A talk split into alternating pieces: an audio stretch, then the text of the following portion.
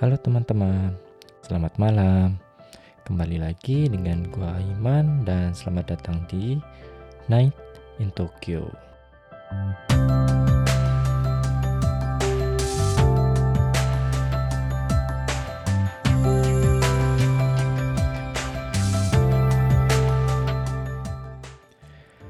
Halo teman-teman, kembali lagi dengan gua Iman di Night in Tokyo.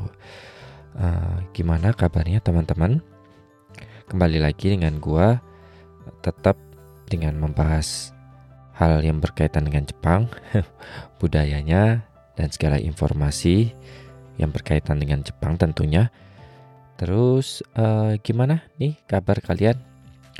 Semoga kalian tetap sehat-sehat aja baik-baik aja nggak ada yang perlu dirisaukan jadi ya semoga uh, episode kali ini pun tetap bisa nemenin kalian beristirahat. Mungkin kalian dengerin sambil tidur tiduran sampai ketiduran terus uh, ada yang sambil kerja juga ya apa pun itu pokoknya bagi kalian yang masih setia mendengarkan Night in Tokyo, gue ucapkan terima kasih dan semoga ya suka dengan episode-episode nanti selanjutnya. Dan gue juga sebenarnya bakal gimana ya uh, ya bakal menghadirkan sesuatu yang yang baru gitu. Gue akan mencoba hal-hal yang baru juga di podcast gue nanti. Nggak nggak melulu yang apa ya konten yang itu itu aja. Tapi ya gimana nantinya nanti uh, gua akan pikirkan lagi gitu teman-teman. Ngomongin episode kali ini teman-teman uh, mungkin kalian yang udah baca di Instagram ya topik kali ini sedikit sensitif. Nggak sensitif banget tapi sedikit sensitif.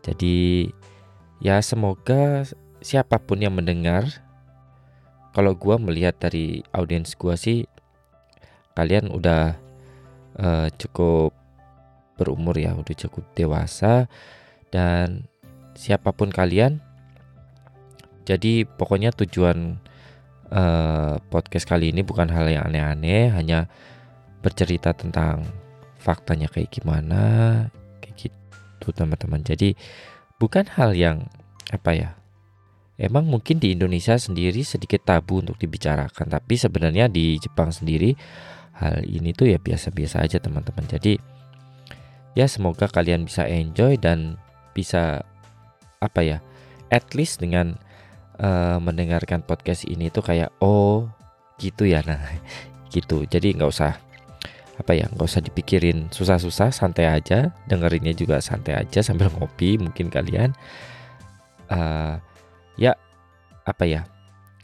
Bahasan untuk uh, episode kali ini itu gua sebenarnya pengen membahas tentang sebuah drama dari eh drama Netflix drama buatan Netflix. Mungkin yang di Indonesia udah ada Netflix juga kan? Gue nggak tahu ya. Maksudnya di Indonesia ada film ini atau enggak mungkin kalaupun nggak ada mungkin suatu saat bakal ada atau kalian mau coba VPN gitu VPN-nya diganti ke Jepang atau gimana jadi uh, film yang bakal gue bahas itu ada judulnya adalah The Naked Director jadi uh, ini adalah sebuah film Jepang. Jadi Netflix yang diproduksi di Jepang. Intinya dari film ini itu ini kayak semi biografi gitu. Jadi kayak semi biografi uh, drama komedi, film series ya karena ini berseri. Uh, di Jepang sendiri udah uh, udah selesai satu season. Jadi katanya bakal ada season selanjutnya. Pokoknya intinya uh, film ini itu berdasarkan buku novel non fiksi. Jadi ya ya itu kan karena semi biografi buku non novel non fiksi yang judul bahasa Indonesia eh, bahasa Jepangnya itu Zenra Kantoku Muranishi Toruden.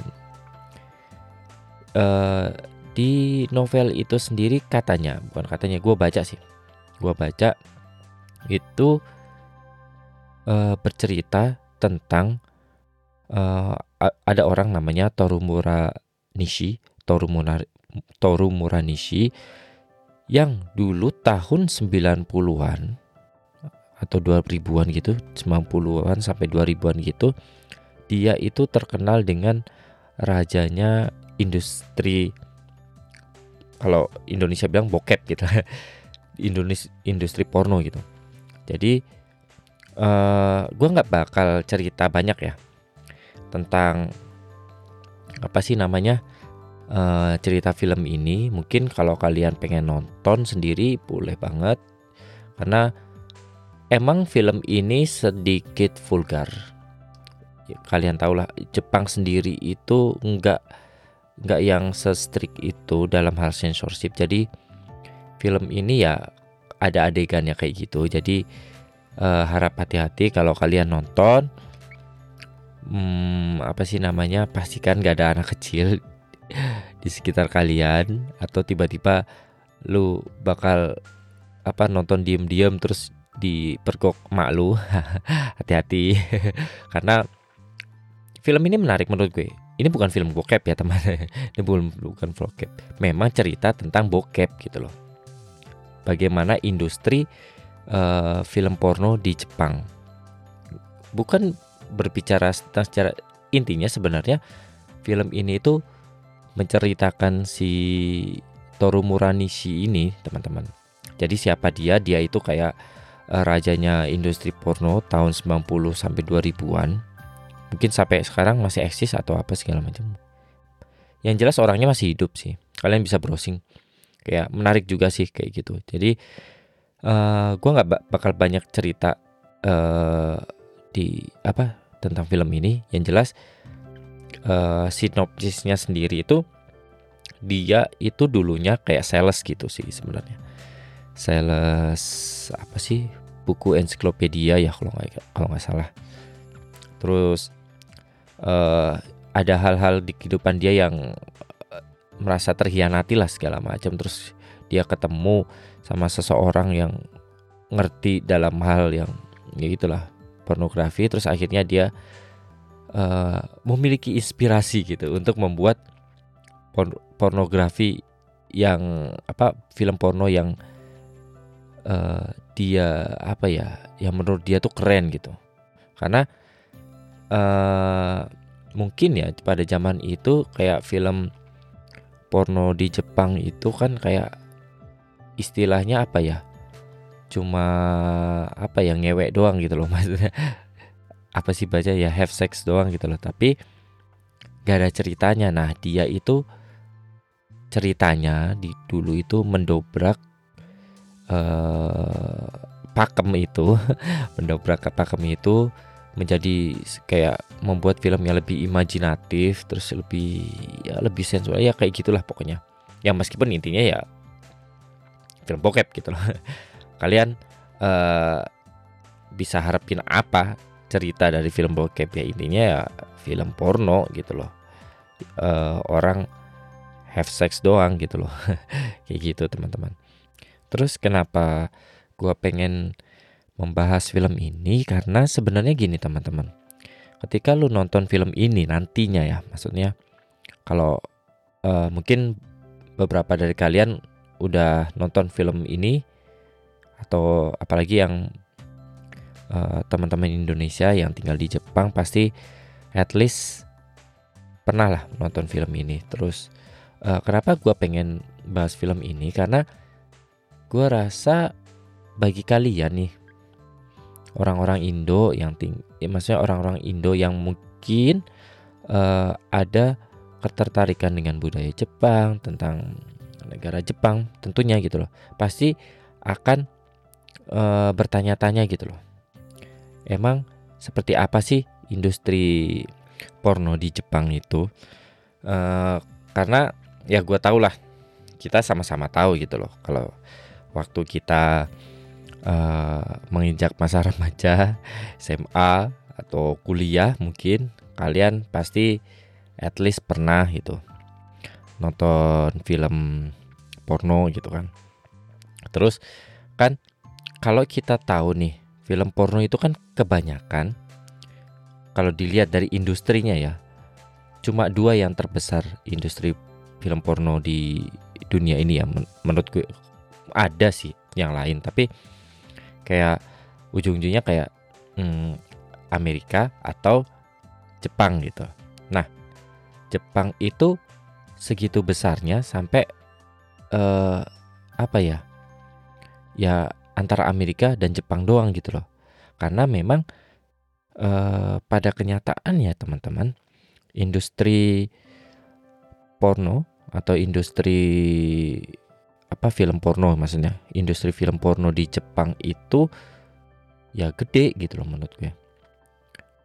Bisa dilihat dari uh, berapa jumlah uh, aktris atau artis film porno di Jepang itu itu banyak banget teman-teman dan mereka bisa hidup dari situ gitu loh. Karena ya ini berkaitan dengan apa ya uh, apa sih namanya sumber daya manusia juga di Jepang kan emang mahal apalagi kerjanya kayak gitu gitu loh. Pasti uangnya nggak sedikit lah menurut gue kayak gitu. Nah karena industrinya besar ya ujung-ujungnya nggak ada nggak ada habis-habisnya gitu loh teman-teman.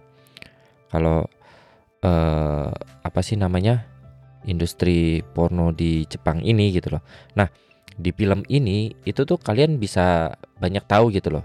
Jangan ya, maksudnya emang ada ada ada adegan vulgarnya tapi di film ini bukan itu yang mesti lu tonton gitu loh karena di film ini itu banyak banget uh, apa sih namanya cerita-cerita atau inform informasi yang memang berkaitan tentang industri Jep eh, industri porno di Jepang itu seperti apa gitu loh. Misalkan misalkan orang yang masuk di eh, masuk jadi aktris porno itu kayak gimana? Jalannya tuh seperti apa? Terus eh, merintisnya tuh kayak gimana? Terus industrinya tuh siapa? Yang megang itu siapa? Yang punya itu tuh siapa?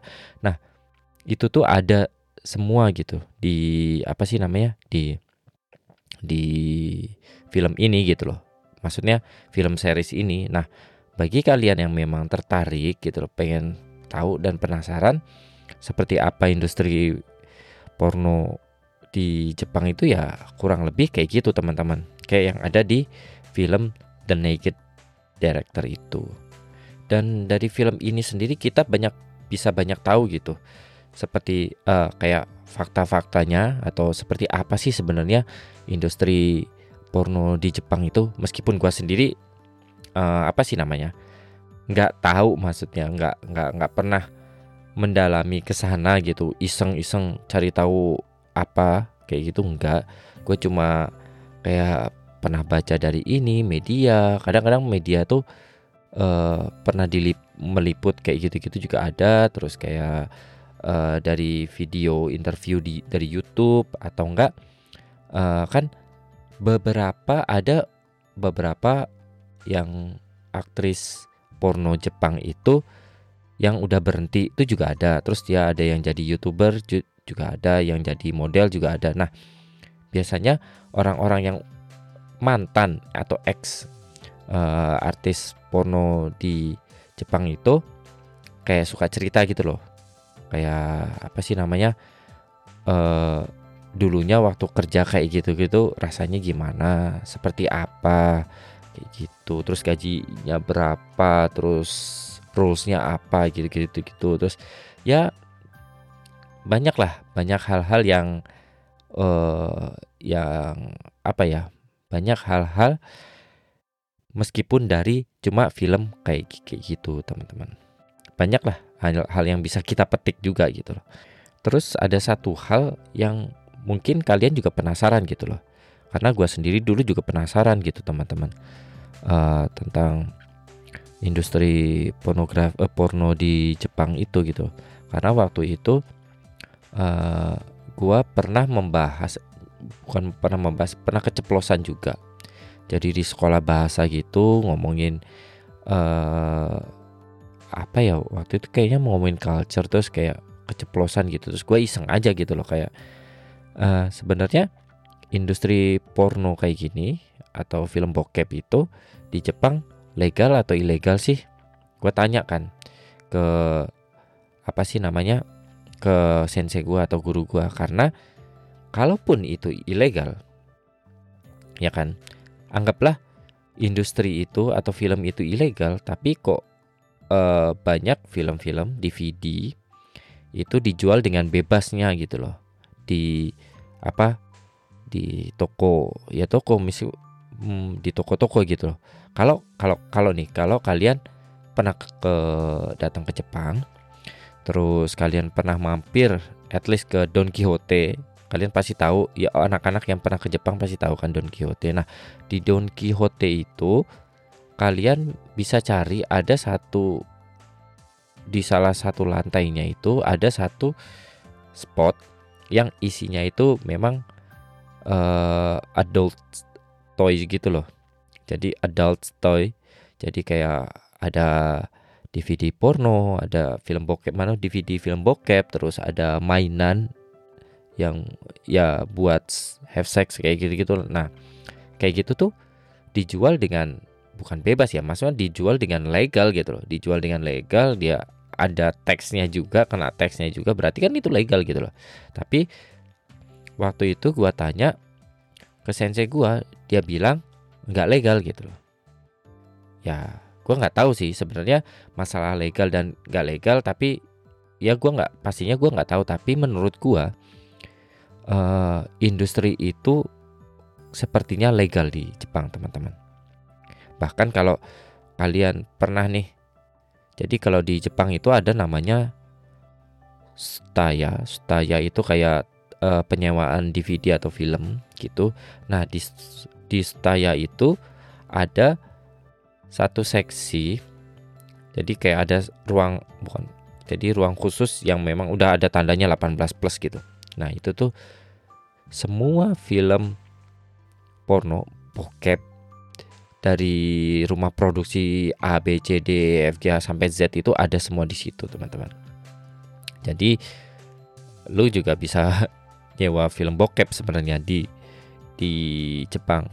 Meskipun ya orangnya pasti minta mibun somisu mibun somisu itu apa sih tanda pengenal supaya dia tahu gitu loh kalian itu umur berapa karena meskipun itu kayaknya legal tetap aja tetap ada aturan gitu loh. Nah ngomongin legal dan nggak legal uh, legal dan ilegal ini teman-teman ada satu hal yang menarik sebenarnya yang mungkin kalian nggak sadari gitu loh. Tapi orang yang udah tinggal lama di Jepang itu kayak akhirnya tahu juga gitu loh. Nah apa? Jadi kalau uh, film produksi ya mana film porno produksi Jepang itu itu meskipun itu boleh ataupun legal tanda kutip legal itu banyak banget aturan eh, nggak banyak sih ada aturannya teman-teman.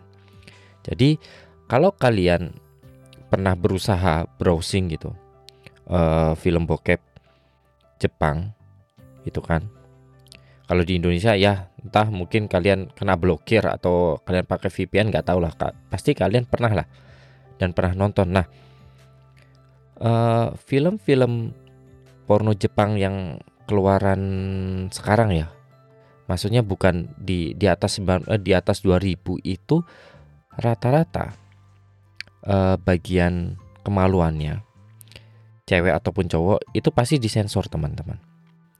Nah, uh, karena itu peraturannya kayak gitu teman-teman. Itu bukan karena uh, aktrisnya nggak mau kelihatan atau apa, uh, enggak. Itu memang peraturannya seperti itu teman-teman. Emang nggak boleh memperlihatkan uh, kemaluannya meskipun itu film bokep itu jadi apa artinya gitu loh. Tapi ya nggak tahu lah itu cuma orang Jepang doang yang ngerti kenapa begitu gitu. Nah, menariknya hal hal ini hal ini hal-hal yang kayak gitu-gitu yang detail-detail tentang uh, apa industri porno itu itu ada semua ceritanya di film ini teman-teman. Di The Naked Director gitu. Kayak mereka mem, mereka tuh kayak sebenarnya ada kumpulannya ada organisasinya. Jadi kayak mereka yang menentukan regulasinya filmnya harus kayak gimana disensor seberapa besar sensornya kayak gitu tuh ada teman-teman. Nah itu itu emang uh, apa sih namanya diatur gitu di Jepang. Gak heran sih Jepang ya kan? Uh, negara penuh dengan aturan kayak gitu. Bahkan film bokep aja diatur gitu. Nah itu teman-teman kayak gitu. Jadi uh, meskipun kalau kalian melihat Jepang itu oh uh, negaranya bebas ya.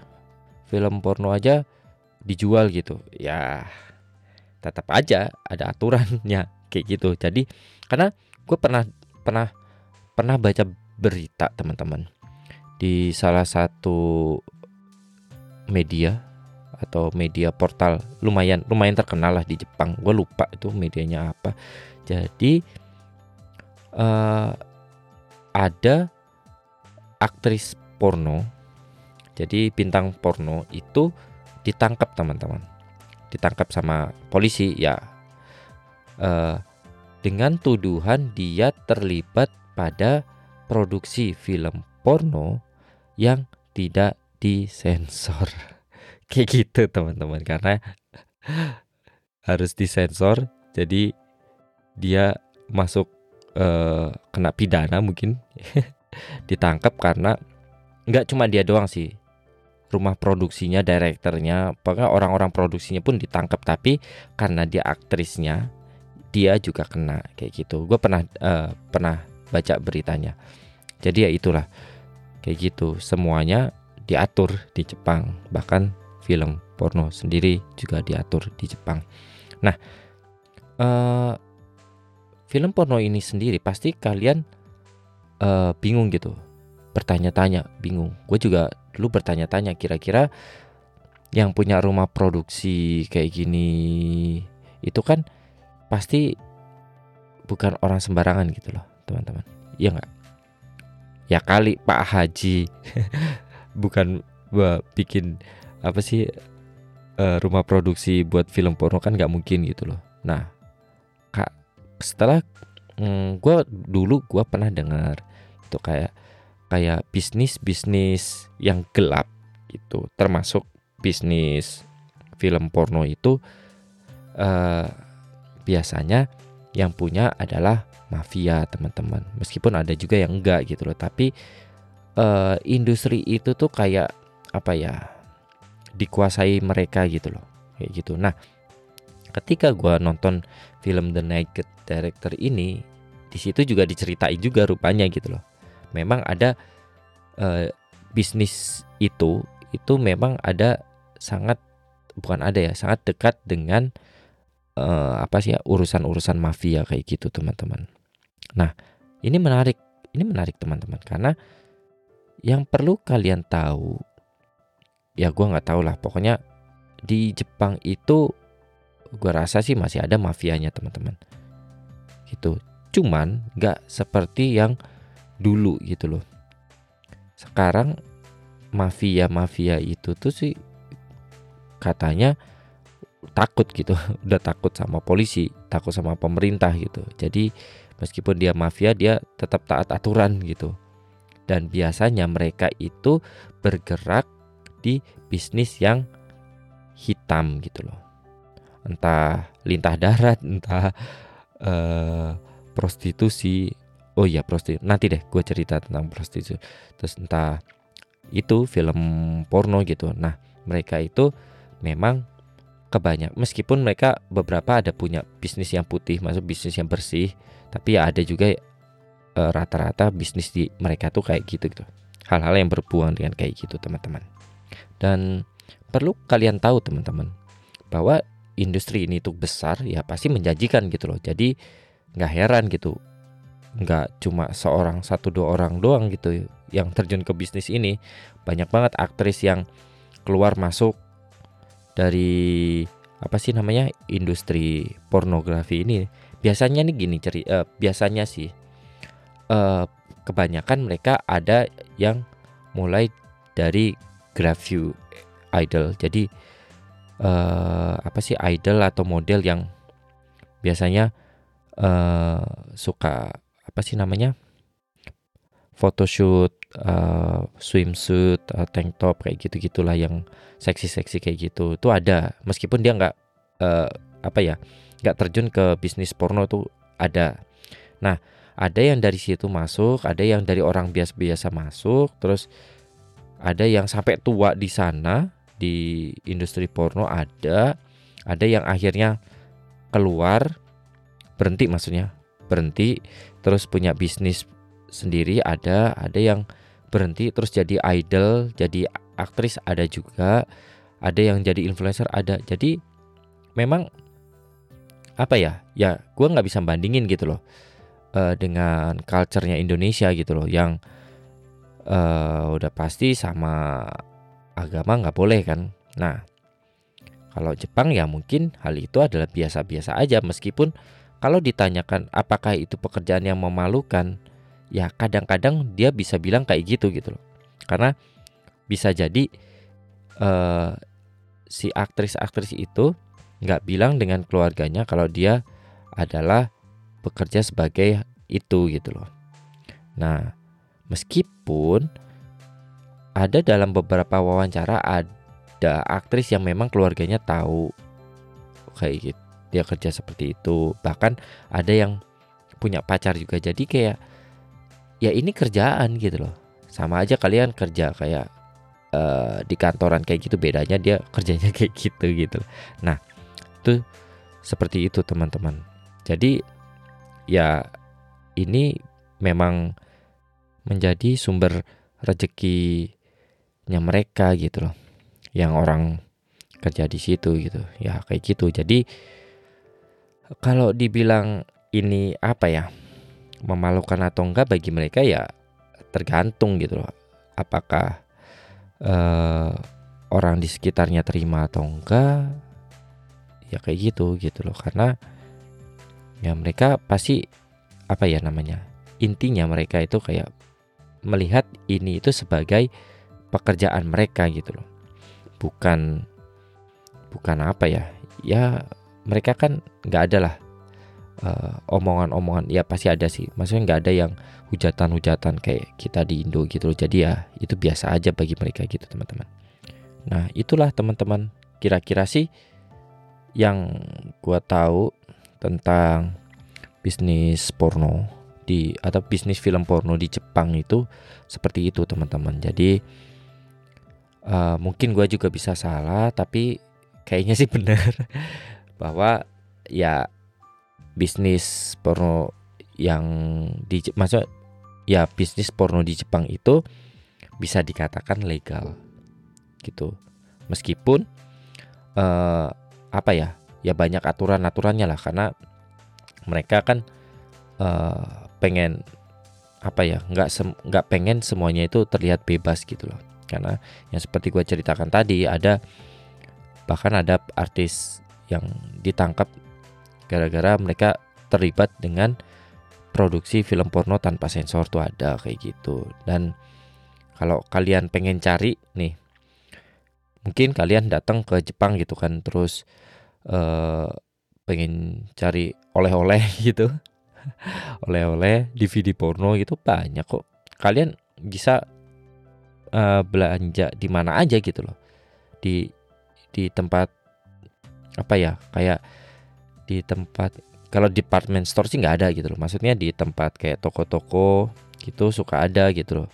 Yang uh, apa sih namanya tandanya yang ada tulisan 18 nah itu biasanya barang yang dijual di situ tuh antara entah sex toys atau apa sih DVD porno nah kayak gitu atau kalian bisa juga langsung aja ke apa sih toko serba ada itu Don Quixote nah di situ di setiap Don Quixote itu pasti ada seksi section itu gitu. Ada tempat kayak gitu.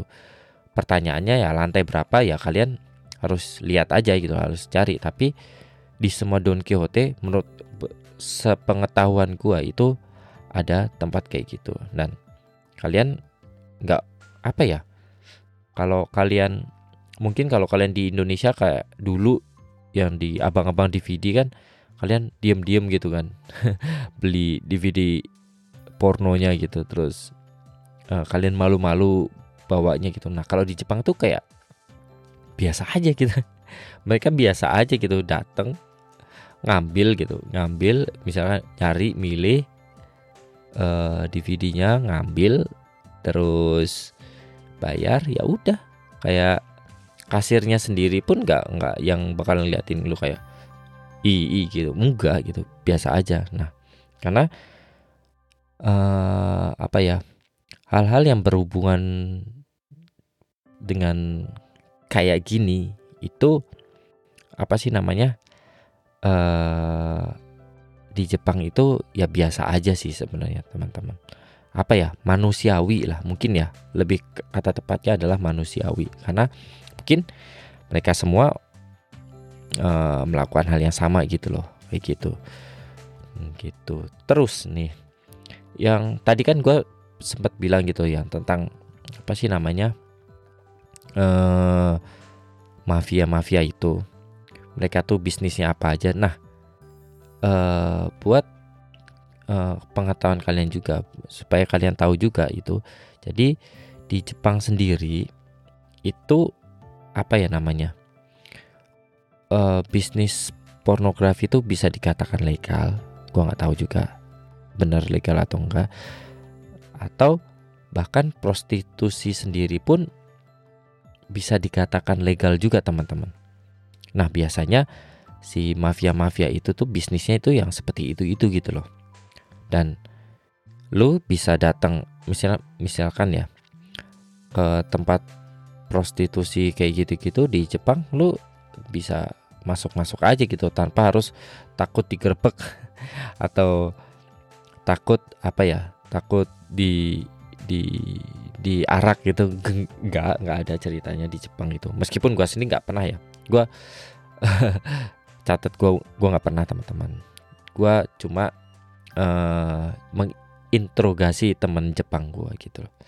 Karena gue banyak bertanya-tanya gitu loh. karena ketika misalkan nih kalau di Shinjuku lu jalan di daerah Kabukicho itu itu kan banyak banget tempat prostitusi sebenarnya teman-teman. Nah uh, ya hal-hal kayak gitu tuh biasa nggak dibilang biasa banget sih. Maksudnya ya ada gitu loh tempat kayak gitu di Jepang gitu. Dan itu bukan hal yang aneh sih sebenarnya menurut menurut mereka gitu loh. Karena ya lu tahu kenapa industri itu ada karena ada yang makai teman-teman. Ada customernya. Kenapa uh, industri itu ada? Ya karena ada customer itu kan. Dan selama ada customer itu ya industri itu akan tetap berjalan gitu loh. Intinya ya orang Jepang banyak yang kayak gitu juga gitu loh. Uh, cuman gue pernah dengar teman-teman meskipun industri prostitusi itu legal di Jepang katanya legal itu ada aturannya juga gitu loh.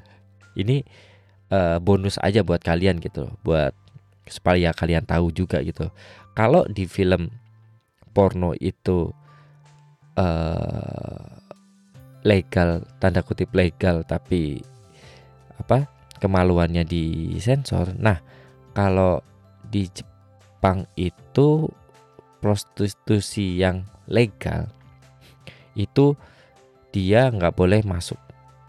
Ngerti nggak maksudnya? Jadi nggak boleh all the way in gitu, nggak. Nah, katanya kayak gitu. Selama itu nggak masuk lu boleh diapa-apain dan lu boleh ngapa-ngapain gitu loh. Dan itu katanya legal gitu selama nggak sama. Meskipun ya gua terus gua per terus kan tanya juga gitu tanya terus kan ke sama teman Jepang gitu. Terus berarti yang uh, boleh masuk itu nggak ada gitu. Terus terus dia bilang ada gitu loh. Tapi memang untuk yang hal kayak gitu itu agak riskan dan menakutkan gitu loh. Gitu teman-teman. Jadi mungkin yang boleh prostitusi yang boleh kayak gitu uh, maksudnya nggak oral doang atau pegang-pegang doang itu itu mungkin karena nggak legal atau ilegal jadi kayak riskan gitu. Kalau ditanya ada ada teman-teman ada banget gitu loh. Tapi ya kayak gitulah teman-teman. Jadi eh sebenarnya kalau lu apa ya tinggal di Jepang itu ya semuanya bisa lu lakuin gitu. Mau dari hal yang baik sampai buruk gitu. Karena uh, eh, gue dulu juga pernah dengar sendiri gitu loh. Uh, banyak kayak uh, om bukan om bapak-bapak mungkin yang udah 40 50 ya kerjanya jajan tuh biasa katanya sih gitu. Meskipun uh, istrinya tahu gitu. Karena bagi istrinya itu ada ya ada yang ber, ini bukan semua orang Jepang kayak gitu ada yang berpendapat kalau si suaminya jajan itu kayak bukan selingkuh gitu. Karena dia nggak nggak apa sih namanya eh, nggak mencintai gitu loh cuma nafsunya doang. Ya entahlah itu itu uh, apa sih namanya itu orang Jepang lah. Kan kita beda cara pandang kita beda jadi ya kayak gitu. Ya gimana teman-teman? Apakah menarik ceritanya gitu? Uh, apakah kalian tercerahkan gitu? Oh rupanya kayak gitu gitu di Jepang ya kurang lebih sih sebenarnya kayak gitu teman-teman. Meskipun mungkin banyak kurangnya karena gue nggak nggak mau menggali sampai ke sana gitu. Karena ya gue tahu karena ya gitulah uh, cukup berbahaya lah kayak gitu. Jadi ya kayak gitu teman-teman tentang uh, apa sih namanya industri porno di Jepang. Jadi karena dengan adanya film itu gue jadi kayak apa ya sekalian gitu loh. Sekalian aja cerita dari film itu gue cerita tentang uh, gimana industri pornografi itu di Jepang gitu teman-teman. Ya setidaknya buat bahan hiburan kalian tuh jadi kalian bisa tahu gitu. Oh kayak gitu di Jepang tuh kayak gitu. Jadi ya dia, diambil positifnya aja dinikmati aja sambil dengerin sambil nemenin kalian apa sih namanya istirahat kalian tidur dan semoga bermanfaat lah semua informasi yang gue sampaikan hari ini. Gitu. Jadi uh, segitu aja untuk episode kali ini teman-teman. Uh, buat kalian yang memang nantinya tertarik nonton film The Night The Naked Director, uh, gua sih cukup merekomendasikan film itu sih teman-teman. Yang jelas lu mesti udah cukup dewasa dulu ya buat nontonnya, karena film itu menarik. Uh, apa sih namanya? Menarik, banyak informasi-informasi menarik yang bisa lu dapat dari film itu ceritanya sendiri juga nggak ngebosenin teman-teman jadi kayak digarap digarapnya juga bagus. Terus artis-artisnya sendiri juga artis-artis terkenal kok. Yang apa sih namanya main di film series itu. Jadi uh, buat kalian yang memang punya Netflix ya gue ya silahkan nonton. Bukan promosi juga tapi karena gue bagus gue pengen kasih tahu kalian kalau itu filmnya bagus dan layak buat ditonton dan pastinya hati-hati teman-teman nontonnya karena film itu ada adegan vulgarnya. Beneran vulgar ya. Jadi ada adegan kayak gitunya kan dia kayak shoot adegan pornonya tuh kayak gimana meskipun nggak kelihatan kemaluannya tapi ya telanjang gitu loh. Jadi hati-hati uh, nontonnya jangan sampai adik yang lihat adik yang kecil-kecil ngeliat terus jangan sampai tiba-tiba lu dikebukin mak lu gara-gara nonton itu. Hati-hati juga.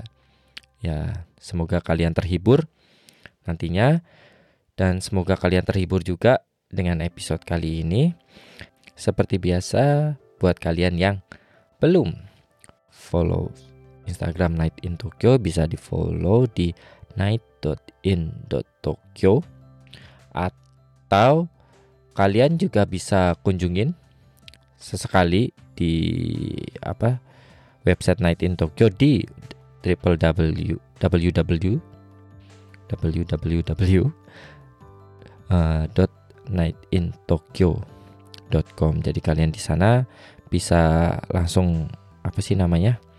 dengerin podcast gua tanpa harus punya podcast platform di situ juga bisa atau kalian juga bisa baca blog gua di situ tentang Jepang teman-teman. Jadi sekian dulu buat episode 23 kali ini tentang film The Naked Director dan uh, industri porno di Jepang.